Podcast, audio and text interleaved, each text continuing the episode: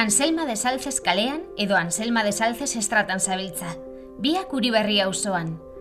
Kaletarra katalonetan, bilbotar emakume ongilo buruz geixiago jakingo duzu. Zarean informazio gutxi dago berari buruz. Adibidez, ez dugu bere jaiotza data ezagutzen. Bere eriotza data baino ez dakigu. Mila sortzieun eta laurogeita bostean izan zena. Hala ere, atal honetan, Anselma de Salcesi buruzko ikerketa betean dagoen arte historialari bat dugu gurekin. Hemen duzue kaletarrak, ongietorri!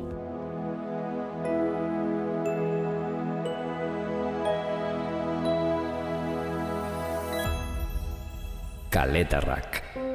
Anselma de Saltes izan zen Bilbon jaiotako emakume bat, oraindik oso gutxi dakigu bere, bere bizitzaz, baina badakigu e, murtziara jontzala bizitzera momentu batian, eta Rafael Miño izan zuela senarra, baina alargundu egin zela momentu batian, eta hil baino aurretiko egindako testamenduan, em, Bilboko udalaren alde egin zuela ez dakigu dena edo satiren bat e, utzi zion Bilboko udalari.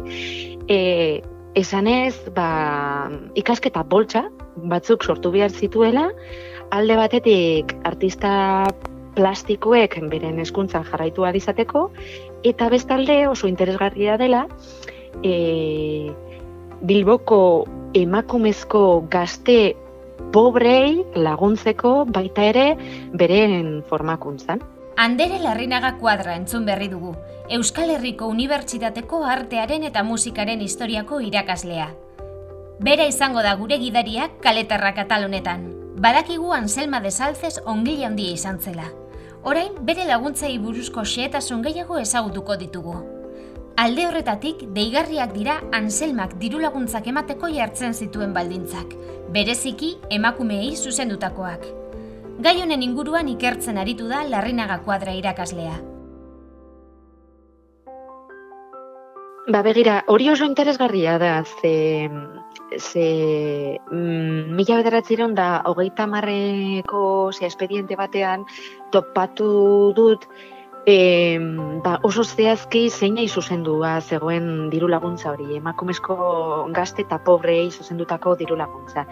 Eta hor zehazten da, eta testualki, zala jo, para jóvenes naturales de esta villa comprendidas en la edad de 16 a 22 años, solteras, pobres, de buena conducta, que sepan leer, escribir, cantar, planchar, guisar, coser a mano y hablar vascuence, siendo preferidas las que eh, en cualquier grado de parentesco con la fundadora tengan el apellido Salces. Orduan, eh, ba, oso interesgarria da, eh, e, zazpireun da berrogeita mar e, peseta urtean ematen zitzaien, baina emakumezkoei mila bosteun ematen zitzaien e, bikoitza da, eta oso interesgarria da, adibidez, emakumekiko espezifikoki izan zuen ardura gau. Neri iruditzen zait, bereziki xarmangarria emakume honen kasua.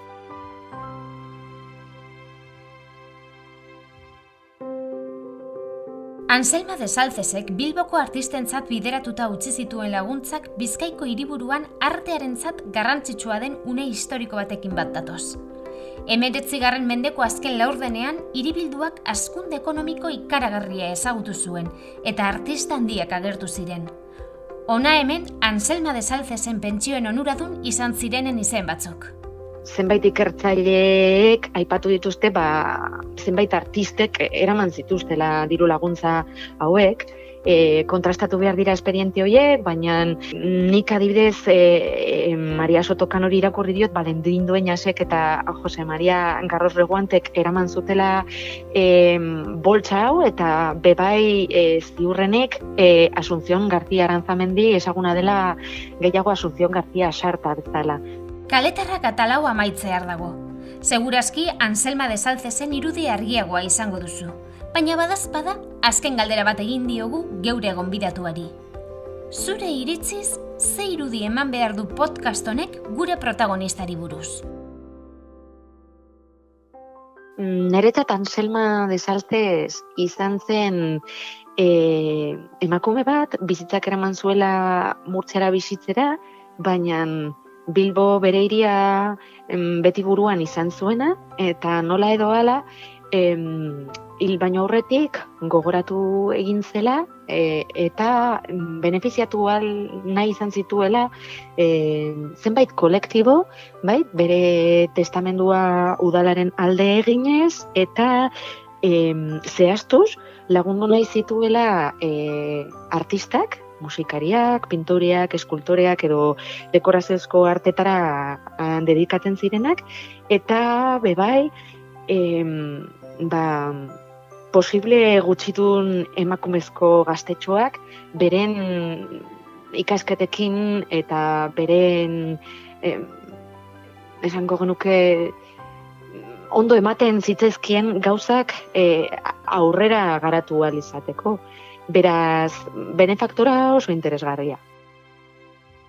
Onaino kaletarra katalaren podcast hau. Ziur berriro ere emakume izena duen beste kale batean aurkituko dugula elkar. Badakizu podcast hau nahi adina eta nahi duzun tokitik entzun dezakezula.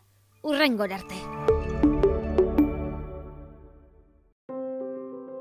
Usted está pasando por la calle Anselma de Salces o bien por la estrada Anselma de Salces, ambas en el barrio de Uribarri. En este episodio de Caleta Rack sabrá un poco más sobre esta benefactora bilbaína. Sobre ella hay escasa información en la red. Por ejemplo, no se sabe su fecha de nacimiento, solo la de su muerte en 1885. Sin embargo, para este capítulo contamos con una historiadora del arte que está en plena investigación sobre Anselma de Salces. Bienvenidos y bienvenidas a Caleta Rack.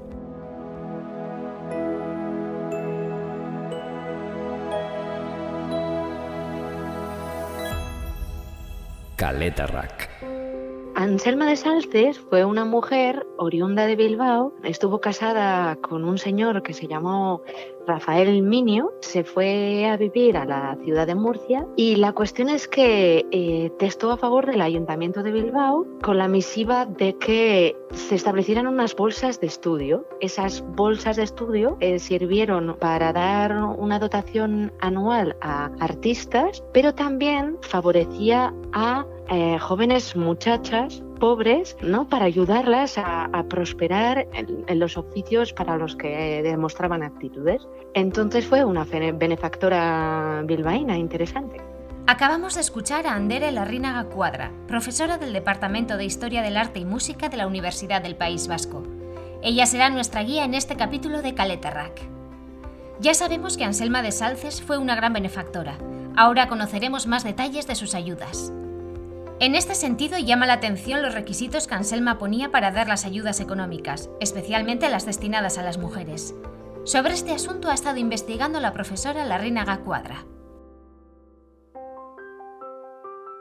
He encontrado concretamente un expediente de 1930 que dice claramente que era para jóvenes naturales de Bilbao, comprendidas entre los 16 y los 22 años, solteras, pobres, de buena conducta, que sepan leer, escribir, cantar, planchar, guisar, coser a mano y hablar vascuence, que es muy interesante, porque es que es que hablaran euskera. Y eh, que se preferirían las que en cualquier grado de parentesco no tuvieran esa relación familiar con ella. O sea, que si tenían el apellido Salces, pues tenían también prioridad. las de los artistas, al parecer eran de 750 pesetas, pero para, las, para mujeres eran 1500, eran el doble.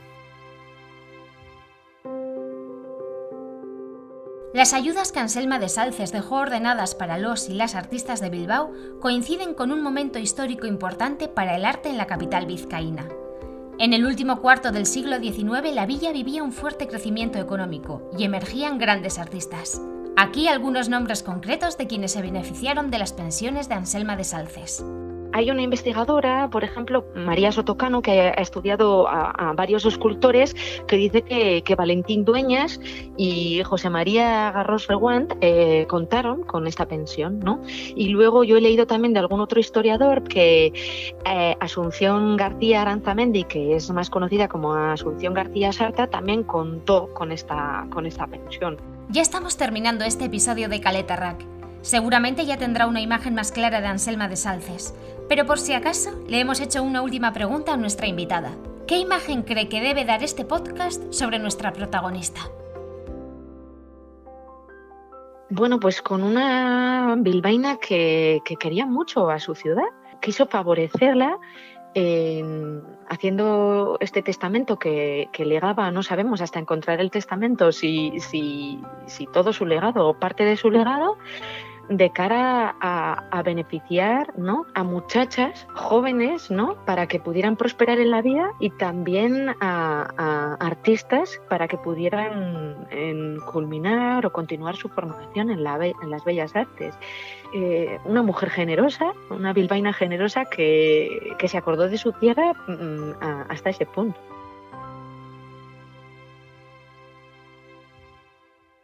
Hasta aquí este podcast de Caleta Rack. Seguro nos volveremos a encontrar en otra calle con nombre de mujer. Ya sabe que puede escuchar este podcast cuantas veces quiera y desde donde quiera. Hasta la próxima.